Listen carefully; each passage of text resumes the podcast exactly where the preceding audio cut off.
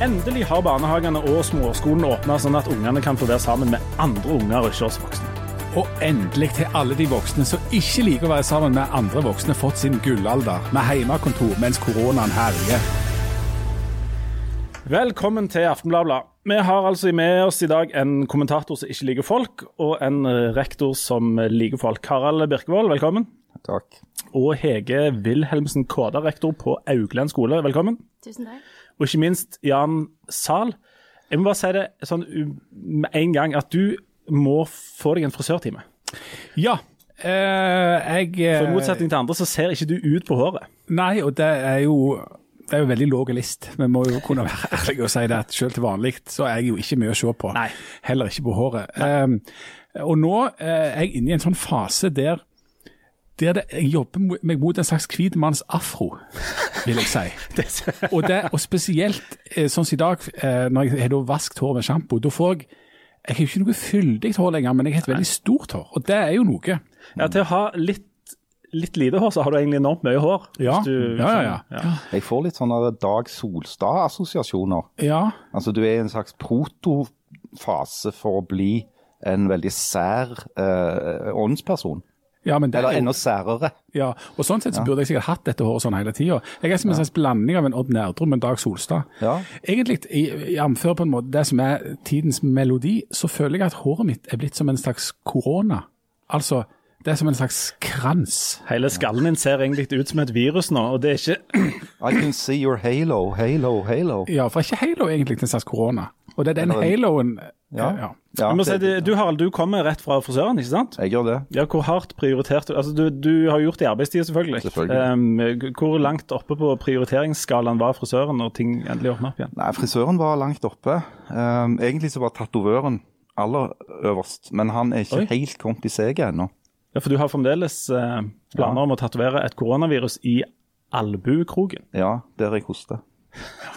Hege, um, ikke for Så å, gale. å Det er vanskelig å- gale. og ikke trø feil sånn i, i det sånn kjønnsmessige her, men jeg har hørt om mange damer som har vært veldig opptatt av dette med frisør og ettervekst. Hvordan har du vært i, i, eh, i samtale om det de siste seks ukene? Du, akkurat nå så eh, må jeg ærlig innrømme at jeg har ikke tenkt så mye på håret. Eh, Men jeg ble veldig selvbevisst nå når dere snakket om eh, deres hår. Ja. Så akkurat nå så kjenner jeg på behovet for å komme meg til frisøren, jeg òg. Men eh, i disse tider så eh, har, ikke det, har jeg ikke vært så bevisst på det. Nei, men ingen årsak for at vi endelig har fått deg til å fokusere på noe viktig. Nei. Jeg må si det, jeg var på, på, eh, på lørdag så var jeg på sånn drive-in-konsert med Stavangerkameratene. og der På scenen der sto bl.a. Eh, Tommy Fredvang, en av de fire musketerene. Han er alltid fin på håret. Alltid fine på håret. Og han hadde en, en frisyre som jeg tenkte var et slags C-moment. Den sto nokså rett oppover, og så var han hvit på de øverste to centimeterne og nokså mørke på de to liksom, Han har sånn omvendt ettervekst, Ja, på en måte. det var akkurat det han hadde. og Jeg, jeg tenkte at uh, her har han, han må kjenne en frisør, så de har gjort det privat. sånn. Det viste seg òg å være ettervekst. Og uh, på et tidspunkt så foreslo, eller så spurte en av ungene som satt i bilen, da kona mi eh, um, sa da at eh, mamma, du burde ha gifta deg med han Tommy, for han ser så kul ut på håret. Og så sa de til meg du burde jo òg gjort sånn med håret, pappa. Å nei, du har jo ikke hår. Og så lo hele bilen av meg. Mm, bortsett fra deg. Så, sånn har jeg det. Ja. Det er mm, det Jeg har jo gått rundt og vært livredd for at folk skal oppdage at jeg farger det grått. Når du gjør det? Det har jeg ingen kommentar til. Uff a meg. Um, Jan, eh, med dette store eh, intellektuelle håret ditt, så, så um, du ser jo ut som en med, et medlem av kultureliten, og som du jo for så vidt òg er. Eh, og nå har du eh, gått løs på eh, Abid Raja. Ja, det er jo grunn til det. Han har klipt seg. Han har ja, Han la, ut, han la ut det på Insta i morges, at han hadde klippet seg. Ja, men da, og da kommer du til akkurat det som er kjernen, og det som jeg går til angrep på. For jeg mener at det er et problem i en tid som er kanskje den største krisen for kulturlivet i Norge, iallfall siden krigen. Så går han til frisøren. Så er det vi er opptatt av, det som er det viktigste liksom, i kulturlivet, det er hvordan Abid Raja ser ut på håret. Og det er jo noe Abid Raja har bidratt sterkt til sjøl. For det er jo stort sett det han på en måte har, drevet og snakket om og mast om og emja om og tatt bilder av i det siste. Og hvis det er én ting som er uinteressant med krisen i kulturlivet og krisen i Norge akkurat nå, så er det akkurat frisyren til Abid Raja. Og det, Jeg er ikke den eneste som kritiserer det. Det er det jo eh, store deler av kulturlivet som har vært borti. At, at eh, vi har en, en, kulturminister som ikke har tatt tak i det som er problemet, men som snakker veldig mye om seg selv og for så vidt er entusiastisk og leverer one-linere. Men han må levere politikk. Det nytter ikke å være fin på håret eller stygg på håret. Men um, altså, når, eh, var, Han var jo ikke den eneste som var hos frisøren. Altså, Bent Høie har snakket mye om frisøren, Monica Mæland har snakket om frisøren. Um, Abid Raja hadde jo en hel hærskare av pressefolk med seg når han var hos frisøren. Det hadde, samme hadde Bent Høie. og sånt. Er ikke dette her et problem for mediene, da, mer enn disse politikerne? Nei, for det at de andre ministrene du snakker om, de har i tillegg levert ganske mye politikk og ganske mye innhold. og Det vi er interessert i med Bent Høie, er altså fremdeles ikke sveisen hans, men det han leverer av politikk. Sånn at han har klart å balansere det å være stygg stygge eller fine på håret med å uh, levere og levere det som faktisk er jobben hans, og det som er innholdet hans. Uh, Abid Raja har for det, det først vært helt fraværende omtrent. altså Helt vekke fram til at noen i opposisjonen og i kulturlivet begynte å etterlyse han lurte på hva han ble av. Eh, da kom han på banen og sa at eh, liksom, ja, det er første gang noen har beskyldt meg for å være usynlig. Eh, jeg har jo vært så synlig. Og, så, og igjen så høres det ut som Han snakker bare om seg selv, om at det er bilde av en avis, men det er ikke det de mener. De mener jo at de må få vite noe om hva som skal skje og hvordan en skal agere.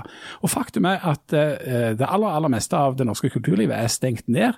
vi har en kulturminister som etter litt fram og tilbake har levert en pakke som de aller fleste er enige om at er for liten, men som bare gjelder også for, for mars og april. Men hva som nå skal skje framover, det er fremdeles veldig uklart. Han kom jo omsider på banen og fikk avlyst alle, eller hele festivalsommeren da, men det gjorde han jo så seint at, at uh, på en måte skriket fra kulturlivet selv hadde blitt for høyt. sånn at Nå er det sånn brannslokking å bli jagt rundt i manesjen av at han selv ikke har tatt initiativ, han selv ikke har uh, gått inn i dette. her. Harald Birkevold sitter nå og retter på hånda. Vær så god. Spørsmål. Ja. I en sånn situasjon uh, hvor det er statsministeren, helseministeren, beredskapsministeren som er førstelinja, er det ikke litt naturlig at en relativt underordna statsråd som en kulturminister spiller annenfiolin og må rette seg etter det som blir bestemt? Uh, og at det kan være en forklaring på at både han og andre fagministre har vært litt lite synlige siden dette starta den 12. mars. Ja, og jeg, igjen, jeg er jo ikke så veldig opptatt av at han skal være så synlig, altså Abid Raja. Uh, men det er få andre felt der kritikken ifra feltet deres har vært så sterke på at det ikke blir levert politikk nok. Mm. Jeg mener helt soleklart at, at, han skal være underordnet alle de andre. og Han skal for all del være mindre synlig enn alle de andre, uansett hva slags frisyre han har måttet ha den dagen. Men det viktige er at de leverer eh, politikk på sitt felt. Og Der har jo Abid Raja ganske, et ganske dårlig utgangspunkt, må man kunne si. Mm. Eh, forgjengeren hans var altså Trine Skei Grande, som var leder i Venstre, og som hadde en stor interesse i mange år for og en veldig eh, innsikt i kulturlivet. Veldig populære, handlekraftige, gjorde masse ting. Så kommer altså Abid Raja inn, ikke fordi at han har hatt noen spesiell interesse for eller kunnskap om kultur, men som et ledd i en maktkamp i minipartiet Venstre. Det er liksom eh, eh, Trine Skei Grande eh, var utfordra som leder, og måten å håndtere det på var å ta inn de to som var, liksom, var utfordra på, på det ledervervet, inn i regjering. I'd rather have him inside the tent pissing out than outside the tent pissing in, som Lyndon B. Johnson en gang sa. Sånn at han kommer inn som et sånn indrepolitisk tiltak. Han er ikke den første statsråden som har blitt statsråd for et felt som han ikke har så voldsomt god innsikt i, men tingen er at han har ikke kunnskapen og, og, innsikten i det. Han har ikke veldig store politiske pondus og særlig stort gjennomslag i regjering. Jeg tror at kulturpolitikken i denne krisetiden ville vært en annen hvis det var Trine Skei Grande som fremdeles var kulturminister. Men, men, hva er det som mangler da? Er det, altså, det, nå er det jo en um, Hele samfunnet brenner jo, og måten å løse det på er at staten hiver penger etter det. For det, det, er penger som mangler, er det ikke det? Det måtte være noe konkret. Altså Nå snakker han, nå, nå, nå snakker han om to ting. Han snakker enten i sånn festtaler om, om kulturens betydning, eller så snakker han om seg selv. Eh, men det som hadde trengs, det var fra et tidligere tidspunkt tydeligere signal f.eks. til de offentlig finansierte kunstinstitusjonene eller kulturinstitusjonene, som jo ble de første og ble flinkeste i klassen til å stenge ned og til å permittere, som jo er pussig. Eh, 5,5 milliard eh, kroner går dit allerede. De store inntektene, eller altså, pengene fra staten går allerede til de, til de offentlige kunstinstitusjonene. Hvorfor kom det ingen signaler fra kulturministeren da? Om hva en kan forvente av at det skal komme noe ut av de institusjonene. Rogaland Teater har jo vært gode i at de har levert iallfall noe eh, teater til folket selv om det var stengt. Mens Nationaltheatret og Det Norske og, og, og museene og, og operaen alt de var jo aller best på å stenge ned kjempefort. Du, før, før, vi kjefter mer på Abid Raja, du har jo vært på teaterforestilling. Uh, Nokså eksklusiv sånn en variant. Ja. Eh, hvordan var det? Nei, Det var helt spesielt. Eh, altså Teater pleier jo vanligvis å være at du går inn i en sånn salong da, i lag med en drøss med andre, og så står det noen på den scenen. Og Jeg har sett mye godt teater, og jeg har sett mye middels teater, og jeg har sett noe kjedelig. Eh, men, men eh, nå i denne uka var det altså premiere på Terje Vigen eh, utendørs med en person som framfører eh, Terje Vigen, eh, Anders Dale, og så fem publikummere om gangen med to meters, meters avstand. og vi satt i, på hver vår sånn fjellknatt eh, i ei vik eh, ut mot fjorden. Og det, det, var, det, er jo på, vel, på en måte teater teateret i veldig lite format. Det er én mann og fem publikummere, og så er det 25 minutter. Det er på en måte smått, men samtidig så var det ganske stort og ganske spesielt. For det at scenografien er da naturen. Det er Gansfjorden og Lifjell og Hommersåk. Hommersåk er forresten det, det finere scenografi enn det jeg tror knapt du kan få. Det tenkte jeg nok at Linnøyen kommer fra Hommersåk. Ja. Og så var det sånn at at uh, skuespilleren han hadde på en måte blikkontakt med hver enkelt av oss. Og det var for meg en, en og det er en sånn teaterforestilling jeg aldri har opplevd før, og ikke aldri kommer til å oppleve igjen. Uh, det er jo ikke økonomisk forsvarlig å gjøre dette uh, hvis du ikke har god statsstøtte. Men, men, det illustrerte for meg det som er blitt mer og mer tydelig for meg etter å ha sett sånn mann eller dame med gitar eller piano synge inn i mobiltelefonen sin. Det er ingenting som kan erstatte det fysiske møtet når du skal oppleve kultur. Altså Scenekunst, enten det er musikk eller teater eller dans eller gud vet hva det måtte være for noe, det er noe som skjer der og da, og det handler om levende folk. Det er ikke på en mobilskjerm. Altså Facebook-strømming kan aldri erstatte det, og den entusiasmen for sånn her eh, Facebook-konsert den føler jeg er sterkt avtakende, og heldigvis. Og det skal jo heller ikke være gratis med kulturen. Jeg skal framføre I morgen skal jeg starte et nytt og bedre liv i Bukkaskogen eh, eh natt til 1. mai. Det er bare å komme. Du må holde god avstand. Hvor mange publikummere Skal ikke gå på fylla mer og skjære folk med kniv, tror jeg.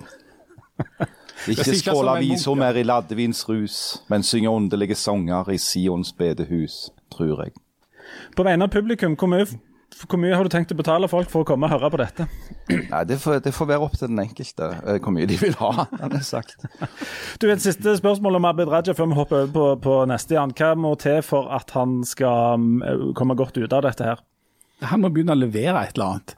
Eh, han må, han må for det første, Nå skal han jo, før, eller omtrent når folk hører dette, eh, svare på hva som skjer med, med ansamling av folk som er mindre enn 500. Jeg er ikke veldig optimistisk der heller eh, framover, men, men det må komme noe konkret. Altså, han må si noe om hva som skal skje eh, økonomisk eh, framover. Eh, nå er det liksom 1. mai er passert, det er ikke noe klart hva slags pakker som finnes der. Han må f.eks. si noe om hva som skal skje med mediene, der han har hatt masse møter og skal se på det og masse sånt, men det holder altså ikke. Der er Annonsørene flykter. 70 aviser har eh, sendt ut eh, varsla at de kommer til å permittere folk. Altså, Han må gjøre noe. Han kan ikke bare snakke eller greie seg. Så det var det. Men, men teater for fem stykker, det, var, det, var, det likte du? Det er eksklusivt, iallfall. Eh, Hege, hvis du har noen kontakter innen teatermiljøet, så får du hilse og si at de må eh, fortsette med det. Nå skal vi snakke litt om, om skole her, men, men, før vi går løs på det. Eh, du eh, går i forening med kona mi. Det gjør jeg. Og nå har jeg anledning til å spørre litt om det, fordi at dette er jo et av livets store mysterier for oss menn, hva som foregår i disse foreningene. Jeg må bare først spørre, hvor dårlig kommer jeg egentlig ut av disse foreningene? Altså Nå må jeg bare si at du kommer egentlig veldig godt ut av de foreningene. Gjør jeg det? For når vi er hjemme hos deg, så er det jo du som lager maten. Ja, det er sant. Så eh, Som en sånn cateringservice, så går det greit. Så, ja, jeg... Men nå tenkte jeg meg Lager du mat til kona di sin forening? Selvfølgelig. Er du klar over at dette blir kringkasta? ja, jeg er klar over det. Men, men det er noe greit. For det, mat, det, det er sånn praktisk arbeid, det, det, kan jeg til en viss grad brukes til. Men utenom det, er det um, jeg, jeg er i pluss eller minus etter en sånn foreningssamling? Jeg vil absolutt si at du er i pluss. Åh, det var godt. Det er det eneste området i livet mitt jeg tror jeg er i pluss på. det. Mm. Du, du, er, du, er, rektor på Auglend skole. Ja. Dere sendte på et tidspunkt alle elevene hjem. Ja. Og så har dere hatt hjemme i en lang periode, og så har dere åpna opp igjen for første til fjerde klasse. Mm. Uh, den perioden der, skolen, der dere ikke har hatt elever på, på skolen, eller veldig få, um, hvordan har den egentlig vært? Det har vært en krevende periode. vi gjør ting for første gang. Alt er nytt. Eh, men vi har jobba systematisk helt ifra vi stengte og frem til nå når vi har åpna fra første til fjerde trinn. Eh, så det, den største utfordringen er jo det at vi gjør alt for første gang. Uh, Hva for noen ting er dere gjør for første gang? Nei, Blant annet når vi stengte ned, så skulle vi i gang med fjernundervisning. Elevene skulle ha hjemmeskole. Vi måtte legge om måten å undervise på, måten å ha kontakt med elevene på. Uh, alle ansatte og elever måtte på de digitale plattformene vi har. og, og vi, måtte, vi må drive undervisning på en annen måte enn det vi er vant med. Så det var en omstilling som vi gikk løs på, og som vi har mestra veldig godt, syns jeg. Eh, både på Haugland skole og generelt i Stavanger kommune, eh, så syns jeg at eh, det virker som om de aller fleste skoler har fått gode systemer som gjør at vi klarer å drive undervisning hvor elevene lærer og har det greit med det. Og så er Det jo sånn at det har vært en diskusjon i, i, i, samfunnet, og det kommer sikkert til å bli enda mer av det, om hvorvidt det bør være en beredskap for f.eks. sånne ting som en pandemi. Men bare for å ha det helt klart, det er ikke sånn at skolene har hatt en beredskap for hvordan du håndterer en pandemi. Nei, eh, så ikke helt eh, Dere så ikke den komme? Nei, så ikke den komme, det gjorde ikke det. Men eh, allikevel så opplevde jeg at eh, Stavanger kommune og de retningslinjene vi fikk, gjorde at vi klarte å omstille oss ganske kjapt. Så, men eh, forberedt på en pandemi, det kan jeg jo ikke si at jeg var. Når jeg, når jeg ser for meg en eh, lærer i i mitt uh, stille indre så ser jeg for meg en litt eldre person som har litt problemer med printeren og internettmaskinen og alt dette her. Er ikke alle lærere som på en måte var, bare kunne hive seg rundt og begynne med sånne svære videokonferanser med 30 elever og sånt. Det må jo ha vært et marakel å få til? Uh, ja, de kunne det. Akkurat på Haugland så er vi veldig mange som, som, kan mye om dette. Og alle elevene har fått Chromebooker, og de har fått begynt å prøve seg litt i forkant, heldigvis. Uh, så vi skal være glad for det, at vi hadde kommet uh, så langt når nå første pandemien slo inn. Men, men, ja, er, det er, klart at lærere er forskjellige, og noen har kommet lenger enn andre. Og, og vi, må, vi, har jobbet veldig systematisk for å få dette til i alle klasser og på alle trinn. Bra Rødt ikke hadde fått makt til tidligere, da, så de hadde klart å inndra alle de Chromebookene. Jeg skulle akkurat til å si det. fordi Det har vært en diskusjon her om, om hvor, mye, hvor, hvor, digitale disse skolene skal være. Altså Skal de få Chromebooker ifra, i, til, i dåpspresang og så fylle de hele livet? Skal de ha, få lov å ha mobiltelefoner på skolen? Harald, skal vi være uh, prisers lykkelige over at uh, denne old school-skolen ikke kom og tok oss før pandemien her? Akkurat nå så skal vi vel være ganske glad for at alle elever er satt opp med, med utstyr som gjør at de kan jobbe hjemmefra. Det kan det ikke være tvil om. Uh, nå er det nok sånn at de aller fleste hadde hatt tilgang på sånt utstyr uten en Chromebook fra skolen òg. Uh, men ja, absolutt.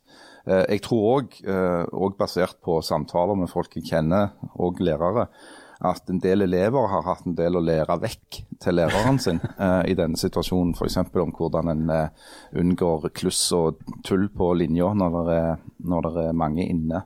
Eh, F.eks. dette trikset med å mute eh, lyd og sånt noe eh, når du ikke bruker den. Vi har hatt en, en kar i Det har jeg òg lært mye av. Det har du òg lært mye av, ja. Du burde, du burde vært muta mye oftere enn det du er. Det er helt sikkert. Eh, vi har hatt en eh, treåring, nei en treåring, en tredjeklassing hjemme hos oss, 3B, eh, Nylund skole. Han har hatt skole da, altså på kjøkkenet hjemme hos oss, med mora som privatlærer. Og, og, han har hatt ting å gjøre på, altså liksom oppgaver og sånt. Men hvordan er balansegangen vår mellom å gi dem et eller annet å holde på med, som er noe de for så vidt har sikkert holdt på med før, eller så at de kan øve mer på noe de allerede har gjort. og det å og, altså, er det en sånn faglig progresjon? Har de lært noe nytt i disse seks ukene? Har en gått videre faglig, eller er det hold i gang med et eller annet? Eh, det er klart at når vi stengte, eh, så visste vi jo ikke omfanget av dette. Vi visste ikke heller hvor lenge det ville vare. Eh, så i starten, de første dagene, da ble det jo gjerne en type sånn oppgaver, hjemmeoppgaver, arbeidsplan, som, som vi kaller det. Eh, men etter hvert så uh, måtte vi gå inn og lage undervisningsplaner hvor, vi, hvor, de ansatte ble satt til ulike tidspunkt i løpet av dagen, sånn at vi òg fikk anledning til å presentere nytt fagstoff. For uh, når de, de, har rett til å lære, de har rett til å lære noe nytt. Og da tenker jeg at da måtte vi legge det opp på den måten at vi faktisk kunne være de som lærte de noe nytt og presenterte nytt fagstoff. Og da måtte vi bruke de digitale verktøyene vi hadde for å få det til. Så, eh, og jeg tenker jo at jo, jo lenger tida har gått, jo mer progresjon har det vært i det òg. Eh, og vi har blitt flinkere og flinkere på, på det å, å, å, bruke de verktøyene vi har da, for å, for ja. Jeg har et spørsmål til deg, Hege. Altså, når det gjelder dette med altså, å stenge ned er noe sånn sak. Eh, for det er likt for alle. Sant? Nå skal alle hjem. Mm. Eh, å åpne opp igjen må jo på mange måter være en mer krevende øvelse. Eh, jeg tenker bl.a. på at det er jo sånn at hvis du er litt snufsete en dag, eller hvis foreldrene dine eller et søsken er det, så skal du holde deg hjemme. Mm. Hvis du får litt snue i løpet av dagen, så skal du gå hjem. Eh, da har du òg krav på undervisning. Så da skal du som rektor sørge for at det blir undervisning både for de som kommer på skolen og for de som er hjemme. Mm. Hvordan klarer du det med altså, Tross alt så har de fleste rektorer, og du er sikkert en av de, begrensa ressurser. Ja. Altså, Dette har akkurat begynt, tenker ja. jeg. Uh, og det er riktig, sånn som du sier, at det er ingen som skal på skolen hvis vi er forkjølte. Mm. Uh, og, og det, det, er jo unger hele veien? Ja, det er unger hele veien. Og det er jo ofte med voksne òg. Ja. Uh, så det som vil bli utfordringen vår, er jo at fraværet kommer til å bli høyere enn det er målt opp mot disse månedene andre år. Mm. Uh, så det, det, er utfordringer vi kommer til å få.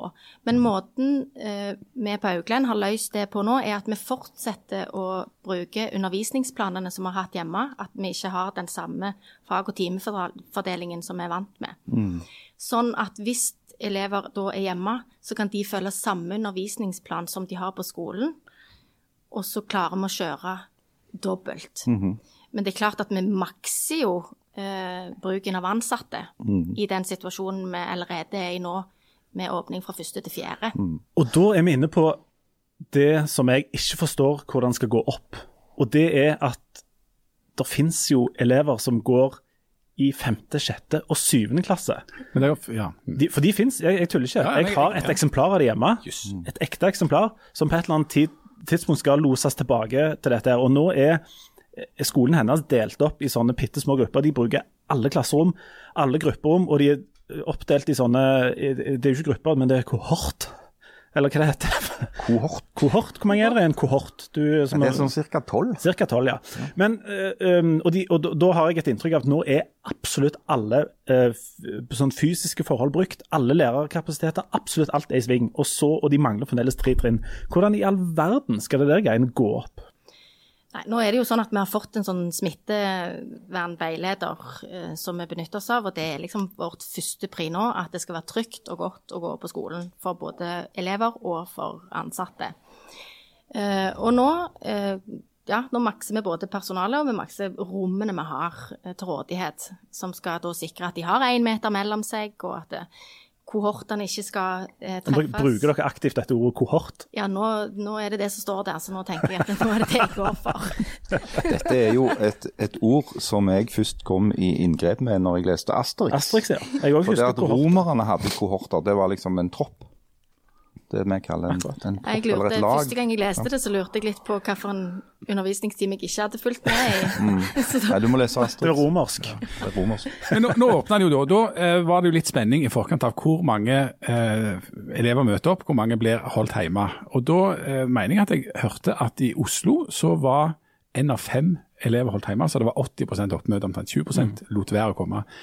I eh, Stavanger var det 97% av elevene som møtte, og i Sandnes var det 99% Hva sier dette noe om? Er det tryggere å gå på skolen her? Er foreldre mindre engstelige? Er de bare så livredde borte i Oslo der, eller er det masse, altså, hvordan kan det ha seg at Det, Det er jo mer smitte i Oslo, da. Ja, Mye mer. Ja, ja, ja. Jeg tenker det har noe med saken å gjøre. Og så tenker jeg òg at uh, Eh, skolene har gjort en veldig god jobb. Jeg sier ikke at de i Oslo ikke har gjort det, men Det kan vi si etterpå. Det kan vi ja. si etterpå, ja. men det, det, det er gjort en veldig god jobb fra Stavanger kommune og rektorene og eh, ledelsen i, i, på skolene rundt forbi, som jeg tror har gjort at foreldre syns at det er trygt å sende ungene på skolen. Men selvfølgelig så er vi bekymra alle sammen for denne situasjonen vi er i. Og jeg forstår at eh, man kan gå noen runder og kan gjøre seg noen tanker om det og sende tilbake. Men vi har eh, vært veldig tydelige på at vi følger smittevernretningslinjene vi har fått.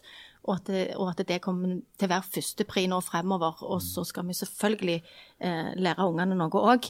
Eh, og, og, det kommer vi til å bli bedre og bedre på eh, jo mer tida går, tenker jeg. Kan jeg få stille et spørsmål til? Det er så kjekt å ha noen i, til stede som faktisk har greie på det. Um, i, altså, ikke et rundt ord om dere to andre, men uh, altså, hva med de elevene som har spesielle behov? For ja. de er en relativt stor gruppe. De som trenger tilrettelagt undervisning, f.eks. Mm. Uh, hvordan har det gått med de i denne perioden? Eh, jeg tenker at eh, vi har eh, sårbare barn i Norges land. Det har vi. Jeg tror at det er veldig mange barn som òg har syntes at denne situasjonen Jeg antar at du tenker på hjemmeskole nå, altså ja. fjernundervisning. Jeg tenker at det er mange barn òg som har kjent at det faktisk har vært litt greit å være hjemme, hvor de ytre stimuliene som de ikke får i, i skolen, Eh, har forstyrra dem. At noen faktisk kan kjenne på det at de har fått ro og fred til å gjøre skolearbeidet sitt. Eh, og det tenker jeg eh, har vært bra for noen. For andre, med andre utfordringer igjen, så har det nok vært krevende. Og jeg tror nok at det er flere familier med barn med eh, spesielle behov som har hatt en veldig krevende tid eh, nå. Mm. Og Nå er det altså tilbake, og det er masse sånne sperrebånd og soner og, og, stå i kø og vaske hendene og antibac og holde på. Enormt masse sånne rutiner og kortere dager. Blir det eh, rom for å lære noe mellom all den antibackinga? Altså, Hvordan går det nå med den faglige progresjonen? Jeg tenker at Nå, nå har vi ikke hatt åpent så lenge, et par dager. Eh, nå har jeg fått noen tilbakemeldinger av de ansatte som har starta opp, hvor flere av de sier at det har gått over all forventning. Ja, tilbakemeldingen er at vi bruker mye tid på renhold, hender, holde avstand. Det er barn vi snakker om. Men en liten kommentar der. Unger er kjempeflinke. De er noen ganger flinkere enn oss til faktisk følge de eh, retningslinjene de får. Men det går, det går, litt tid med til det nå. Men jeg tenker at det blir òg noe vi blir vant med. Så når det får lov til å gå litt tid, så blir det en del av våre rutiner. Og så går læringen opp. Jeg er onkel den som kom hjem eh, fra skolen første dagen og kom ned over gata eh, som en slags konge i verden og fortalte i dag har jeg vasket hendene 17 ganger. og syns det, eh, det, var strålende flott. Og det, og det er det jo. Men med, med, de rammene dere har i dag, med de smittevernreglene som gjelder, med de ressursene du har, klarer du å ta imot 5., 6. og 7. klasse òg? Alle mann alle tilbake på skolen? Jeg tenker at da vil retningslinjene endre seg noe for at eh, det skal skje. Eh, det vet jeg jo ikke per i dag, men jeg antar at, at eh, de vil endre seg hvis vi skal åpne opp for resten. Og hvis, hvis du ser at, hvis, Når du er rektor, hvis du ser at jeg er faktisk ikke helt sikker på om dette går hos oss. Kan du da smelle neven i bordet og si vet du hva, vi åpner ikke? Eh, da vil jeg gå i dialog med skolesjefen Jan Pedersen hvis jeg skal si noe sånt. Men jeg tenker at smittevern går aller først. Så der eh, vil jeg være veldig tydelig i min rolle. Og så har, eh, som dere var litt inne på, Noen av ungene har nok syntes dette var alle tiders. Um, unger er jo uh, nokså forskjellige, nesten like forskjellige som voksne er. Noen syns det er herlig med fred og ro, mens noen andre vil ha god kok. Um, noen av de er nok såkalt introverte, og noen er ekstroverte. Og da, Harald Birkevold, du lever i en slags drømmesituasjon nå. Du trenger ikke ha kontakt med noen, trenger ikke se noen. Du trenger ikke altså, Du gjør jo for så vidt aldri noe særlig, men du trenger ikke gjøre så mye. Du kan bare være hjemme. Ja, jeg kan gjøre enda mindre. Sitte og tenke for deg sjøl. Ja. Eh, eh, for du regner deg sjøl som en introvert. Eller festbrems, som jeg liker å kalle det. ja. ja. Hva er det egentlig du har imot oss, altså folk? Folk? Ja, folk er veldig Altså, folk krever mye energi. Um, nei, nei, nei. Du får jo mye energi av folk. Nei, du, har, det. står, du, har, stilt dette helt på hodet. det er det som er, det er, det som er greia, da. Altså, Det er to typer mennesker, grovt sagt. Um, Kvinner og menn? Ja, det er, damer, det er ikke damer og menn. Barn og voksne? Ba, nei, det er ikke det heller. Unge og gamle? Nei. Høye eller Nei. Tjukke og tynne? Nei. Det folk som går i forening, og folk som ikke går i forening, og må lage mat til de som går i forening. Ja, du har de, ja. Folk som er ananas på pizza. De, ja, det er jo en egen gjeng. Og riktige folk. Men hør på meg nå, vær så snill. Altså, det er i denne sammenhengen to typer folk. Det er de som kalles for introverte, og så er det de som kalles ekstroverte. De fleste er et eller annet sted på en sånn glideskala mellom å være veldig det ene eller veldig det andre. Jeg er nok nokså langt i den enden som heter ekstrovert, Mens folk jeg kjenner Ekstrovert? Nei, introvert mener jeg. Unnskyld. Altså, jeg, jeg bruker mye energi når jeg er i sosiale settinger. Eh, mens folk som er ekstroverte, de får energi av å være i sosiale settinger. Det er hovedforskjellen. Og Jeg skrev en kronikk som står på trykk eh, i dag og på nett og sånn. Men og Jeg har sett at den allerede har blitt ganske mye kommentert og delt. Uh, for jeg tror at dette er noe som mange går rundt og tenker litt på. Kan jeg bare lese ingressen fra den? Ja, det kan du. For omtrent halvparten av oss krever det energi å være sosial. Likevel er de introverte en, en, av de mest oversette gruppene i samfunnet. Har, og så kommer, Her kommer rosinen i pølsa. Har koronakrisen gitt oss vårt drømmesamfunn? det, det går ja. høyt ut. Ja, det, det, er jo på en måte spissformulert, da. Uh, men, men, dette er living the dream for, altså, det, for your kind. Det er en kjerne av sannhet her. fordi at uh, en del av oss uh, og i det moderne arbeidsliv så er det ganske mange av oss, er tvunget til å tilbringe mye av tiden vår veldig tett på andre folk. Pga. det fysiske arbeidsmiljøet vi, jobber i. Åpne kontorlandskap er jo på en måte eh, kroneksempelet på et sånt uh, arbeidsmiljø som er veldig krevende for de av oss som syns det er litt stress å være omgitt av folk hele veien. Uh, og jeg tror at det vi vil se nå som mange har blitt tvunget til å ha hjemmekontor, er at en del folk faktisk trives bedre og er mer produktive når de får sitte i fred og gjøre tingen sin, enn når de er påtvunget et sosialt fellesskap. Og det tror jeg òg, Hege, at en del av dine elever vil merke i denne perioden. At de faktisk trives bedre med å sitte hjemme.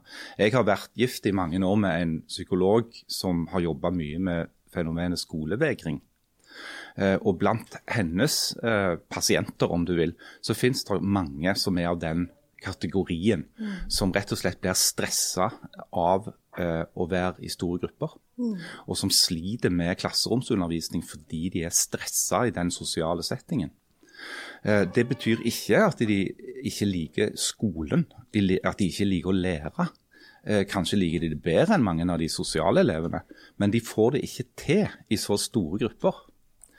Eh, sånn at jeg, jeg jo, kan jo altså Det er jo fristende alltid å bruke seg selv som eksempel. Ja, Det syns jeg du skal gjøre, for du bruker jo det i denne kronikken din. ja, jeg gjør jo det. Og jeg, altså, jeg har vært sånn helt siden jeg var et lite barn jeg har likt det veldig godt å leke med, med meg sjøl, for meg sjøl. Og, lese og, og, gjøre ting som gjorde at jeg ikke trengte å være med så mange andre. Jeg begynte tidlig å spille sjakk. For det at uh, Da kan du være med folk, men de har faktisk ikke lov å snakke når du spiller. uh, du, du, er et, du, er i et, rom med, med 40-50 andre mennesker som holder kjeft. Det er jo helt fantastisk. Uh, så, så, sånne strategier valgte jo jeg da, for å være sosial, men samtidig være for meg sjøl. Uh, og jeg har et bestemt inntrykk av, og det inntrykket blir òg underbygd av forskning, f.eks. For på arbeidsliv og arbeidsmiljø, at den gruppa som sliter mest med å være i sånne konstante sosiale sammenhenger, blir veldig ofte oversett. Fordi at de ekstroverte, de som elsker det, de er så billige. Altså En grunn til at mange arbeidsgivere lager åpne kontorlandskap, er jo rett og slett fordi det er billig. Og så er det jo, er det jo eh, veldig dominerende av de som snakker og de som eh, er voldsomt på. Jeg, jeg, men jeg har jo tenkt på det i denne koronakrisen, da, at eh, det er en voldsom emjing på altså, sosiale medier og avisene om hvor utrolig hardt og vanskelig det er nå når vi må være hjemme og, og, og mm. være i isolasjon og alt dette. Og jeg har jo tenkt hele tiden at det, det kjenner jeg meg ikke i det hele tatt. Jeg syns, det, jeg syns ikke det har vært vanskelig i Men, det hele tatt. Nå må vi ha en liten opptelling. Du Harald er introverte. Ja. Ligger hver for deg sjøl. Jeg tror jeg ligger på den introverte sida. OK, Hege? Ekstrovert uten tvil. Jeg er nok òg dessverre ekstrovert, ja. til stor uh, irritasjon for mine omgivelser. Jeg er, jeg, jeg er i hus med uh, ei som er veldig introvert, og så har jeg en unge um, som er veldig ekstrovert, og en som nok er heller litt mer mot introverte, men ikke så veldig mye. Så vi har alle fuglene i ett bur. Ja, men det er jo de ekstroverte som da dominerer og som bestemmer. For det, at det er jo, altså, eh, Idealet skal liksom være det der enormt sosiale, og du skal eh, være i lag og, det, og liksom alle sammen sammen eh, hele tida. Og da, de som da sitter borti kroken, Birkevold mest, da, som jeg er litt lenger bort forbi, Uh, vi sier jo ikke noe om det. Er det festbremsavdelingen? Ja, sånn, ja må, vi, må vi være sammen? må vi Ja, og det, og det, har vært et slit liksom hele livet å um, bli beskyldt for å være um, Festbrems? Ja, festbrems eller egoistisk eller sær eller vanskelige. um, fordi du har et sterkt behov for å være alene. Uh, og det som skjedde i fjor, da, det var at uh, dette kom såpass på spissen at jeg fikk noen anfall rett og slett av en form for panikkangst. Altså Jeg følte jeg fikk ikke puste.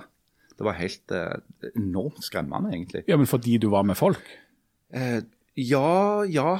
Uh, og, og pga. spesielle ting som skjedde uh, liksom i, i, mitt liv. da, sant? Eh, alle har jo forskjellige liv, men, men, at det ble liksom mye. Så tenkte jeg ok, nå må jeg snakke med noen om dette. Uh, så, så, gikk jeg til en psykolog, og hun, kom, hun, hadde et veldig godt bilde på dette. her. Hun sa at hvis du tenker på dette som en bankkonto, de ekstroverte, når de er i en sosial sammenheng, omgitt av folk, så får de påfyll på den kontoen. De, mer, de, får mer energi av å være sammen med folk. De blir mer idérike, de føler seg bedre. Hvis du er introvert, så tar du penger ut av den kontoen, og til slutt er det tomt. Og Da må du gå for deg sjøl og fylle opp igjen før du kan gå ut igjen og bruke mer av de pengene. Og akkurat sånn er det. Eh, for det er en utbredt misforståelse om introverte, at de ikke er sosiale. Eh, jeg er f.eks. en relativt mye brukt foredragsholder og møteleder. Uh, og jeg tror jeg gjør det ganske OK. Det er bare det at etterpå så har jeg ofte en intense trang til å være helt alene for å liksom lade batterien igjen. Mens en som er ekstremt ekstrovert, vil være helt sånn full av energi og pepp og har lyst til å gå og mingle og snakke med folk etter det møtet. ikke sant? Og, og være på nachspielet helt til det er slutt. Og, sant? Mens jeg, min første reaksjon etter en sånn intens setting, hvor jeg kanskje har vært møteleder en hel dag, eller sånt, det er at nå må jeg ut herfra. Jeg må hjem.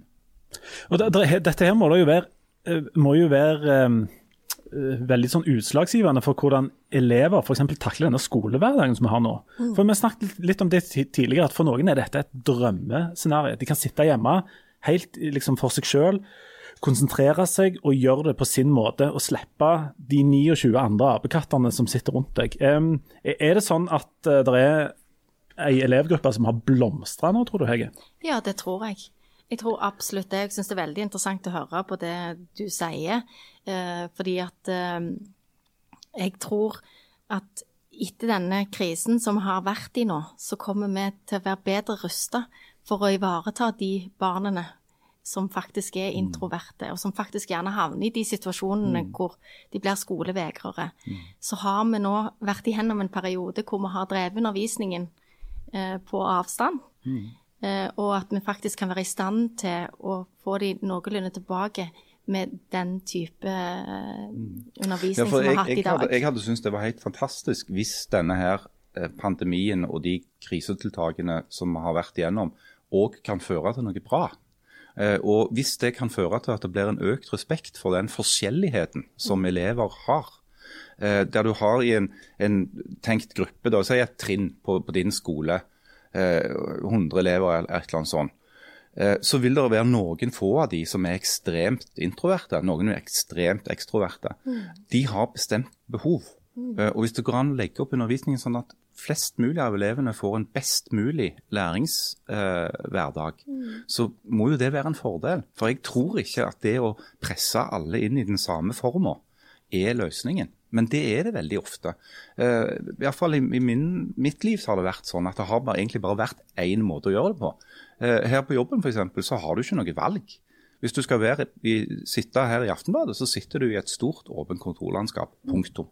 Og var, altså, jeg, jeg, mener å huske at akkurat når vi stengte ned, at, at eh, jeg tror redaktørene så for seg at ja, ja, nå blir det nok en del tynnere avis. Altså eh, en slags uh, tanke om at ja, hvis folk sitter hjemme, da jobber de ikke så mye. Eller Nei, da går de og tar ja, oppvasken eller ja, et At det er liksom å sitte og lade seg litt. Ja. Men det har jo blitt produsert noe av det det kolossalt. Altså, mm. De har jo ikke måttet gå ned på sideantall. Det har ikke blitt mindre stoff av det. Nei. Det viser seg at det går jo faktisk ganske fint å, å produsere ganske mye hjemmefra. Men, men uh, samtidig så må det jo settes av noe tid til hårklipp, f.eks. Du har jo klippet deg. Du fortalte jo før vi begynte her at du pleide å skifte dekk i arbeidstider. Og det er jo Nei, jeg, fordi du er introvert. Jeg, jeg, sa, jeg, sa, det som et eksempel på hva jeg har hørt. Jeg, oh, ja, okay. jeg, har ikke lyst til å sitte her og tilstå på direkten så å si at jeg skifter dekk i arbeidstida. Jeg sier bare at det, det, er et tenkt eksempel for hva folk kan finne på. Eh, å gjøre i arbeidstida. Jeg vil jo også si at Et annet eksempel som jeg har hørt om som folk bruker arbeidstida på når de ikke må være på jobb, det er f.eks. å legge terrasse. Det er bare noe jeg har hørt fra andre. Har... Andre sitter jo og lager podkast i arbeidstida. De gjør jo det. Som om det skulle være godt for noe. Jan, hva er det hva er mest sivilt ulydige du har gjort når du ikke har måttet gå på jobb? Jeg handler på dagtid og går tur med hunden på dagtid. Oh, crazy times. Oi, ja, det er crazy, crazy bananas. Hege, har du sluntrende? Det har jeg ikke. Har du ikke? Oh, Men jeg kan innrømme noe. Ja, innrømme noe. Hvis det var, eh, jeg var litt opptatt av dette håret, ja. så sa jeg at jeg ikke hadde tenkt så mye på det. Ja. Men jeg har faktisk fått et par grå hår i denne perioden. Og det er utelukkende pga. situasjonen. Det er jeg helt sikker på. det har ingenting med noe som helt annet å gjøre. Du, men Grått hår er ganske fint, da. Ja, det syns jeg òg. Ja, jeg syns det blir finere og finere for hver måned som går. Takk skal du ha. Takk skal du ha. Jeg, tror, jeg tror at grånene og stadig tynnere hår kommer til å bli veldig fint. Jeg tror det, Og litt sånn manneaf, hvit manneafro, litt sånn nei, basert, litt nei, tynn vekst. Nei, Dag Solstad og, og disse folkene, de store intellektuelle, de store tenkerne, rett og slett. Du, vi, vi skal vi skal avslutte litt med, med en annen som, eh, som har snakket mye om, eh, om, om, å gå til frisøren og, og, og, sitt eget og andre sitt hår. Bent Høie hadde et slags um, I have a dream moment. Et slags til ungdommen-tale, som jo var veldig rørende. Om du tror han hadde skrevet det sjøl? Jeg tror ikke det er en sjanse i havet for at han hadde vært i nærheten av den teksten på noe som helst tidspunkt før han fikk den i hånda og begynte å lese den. Hvis jeg skal si noe som teaterkritiker som, om det liksom performative her, så vil jeg ha gitt det en, en femmer i, i, på en måte innhold, altså i tekst, tekst, altså det som står der, mens leveringa var sånn to eller tre. Altså det er sånn stotring. Han står og sier en masse ord som helt åpenbart ikke er hans ord, men de ordene er ganske gode. Og de har gått rett hjem. Sa han folkestøtte? Nei, han sa ikke Folkehelseinstituttet. Det var ikke en del av diktet. Han har, jo, han har, jo, gjort det mye mer effektivt å si Folkehelseinstituttet. Ja. Du, han, snak, han, snakket, han, snakket, til ungdommen, men Jan, som teaterkritiker, det var et, rett lite forbedringspotensial på selve dramatikken, i, liksom dramaturgien i dette. Det kunne vært litt mer sånn effekter og sånt, sant? Ja, det er jeg helt enig i. Ja, det, det mangler på en måte det mangler en slags innpakning. Ja. Eh, men, altså, en, altså, han har jo faktisk lagd Altså Han har jo satt ord på en ting, enten han skrev det selv eller ikke, som er, det er noe av det beste jeg har, hørt. Altså, når du er ungdom, så er ikke neste sommer noe du bryr deg om. Du bryr deg om denne sommeren. Enormt flott tekst, men mangler noe. Og Der har jo vi kommet med en liten håndsrekning til, til, Bent Høie. Så i dag skal vi, mm, skal vi avslutte rett og slett med, med Bent Høie, som har fått ørlite hjelp på det dramaturgiske fra oss. Eh, ja, det er for deg, men vær ærlig og si det. DJ Lindøy, lydkunstner Lindøy, har det er det. Skal vi si tonesatt Bent Høie. Jeg har hjulpet han litt. Grann. Vi er tilbake om en uke, og så må dere høre nå på de vakre ordene fra Bent Høie med litt hjelp. Vi snakkes. Ha det. Ha det bra. Våren du fylte 14 år, ligger ikke i ro og venter på at du skal komme. Og det er ikke mulig å vende tilbake igjen til sommeren når du var 17. Og russetida kan ikke spilles i repeat. Som voksne snakker vi om eh, neste sommer, men eh, neste sommer det er for middelaldrende menn som kjøper karbonadedeig og dopapir på tilbud. Neste sommer fins ikke når du er ung. Når du er ung, bryr du deg eh, om det som skal skje i dag og i morgen, og drømmer om det som skal skje denne sommeren og denne våren. Du drømmer om fotballcupen, der du skal skåre det målet som ingen har sett maken til. Du drømmer om klasseturen, der du skal ta imot eh, til deg og flørte med klassens søteste gutt. Og du drømmer om skoleballet der du skal danse langt på natt i den dyre kjolen som du har måttet mase et helt år på å få.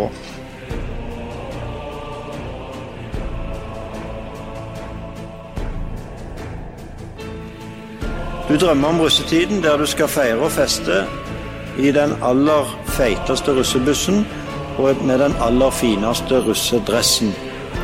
Men så kom viruset og knuste alle disse drømmene, og det ble ingen fotballcup og ingen klassetur. Det ble ikke skoleball, og russen har knapt rulla en eneste meter. Så jeg skulle gjerne sagt til de unge at uh, alt blir som før, men det kan jeg dessverre ikke. Denne våren blir annerledes, og denne sommeren blir annerledes. Og dette året blir annerledes. Det er dere ungdommene som må òg gjøre ting annerledes. Dere har satt livet på vent for at andre skal berge livet sitt. Eh, og Jeg håper at dere kommer til å danse, selv om det ikke blir på skoleball. Og jeg håper at dere kommer til å skåre fantastiske mål, selv om det ikke blir noen fotballcup. Og jeg håper dere kommer også til å flørte med de søteste guttene og jentene, selv om det ikke blir noen klassetur. Og jeg håper òg at dere får en fet og fin russefeiring, selv om den blir annerledes. Og denne tida, den er spesiell, men jeg håper at den kan være fin allikevel. Så jeg vil si tusen takk til alle norske ungdommer. Tusen takk til alle norske ungdommer. Tusen takk. Tusen takk. Dere kommer til å bli huska. Tusen takk. Dere kommer til å bli huska. Dere kommer til å bli huska. Dere kommer til å bli huska. Tusen takk.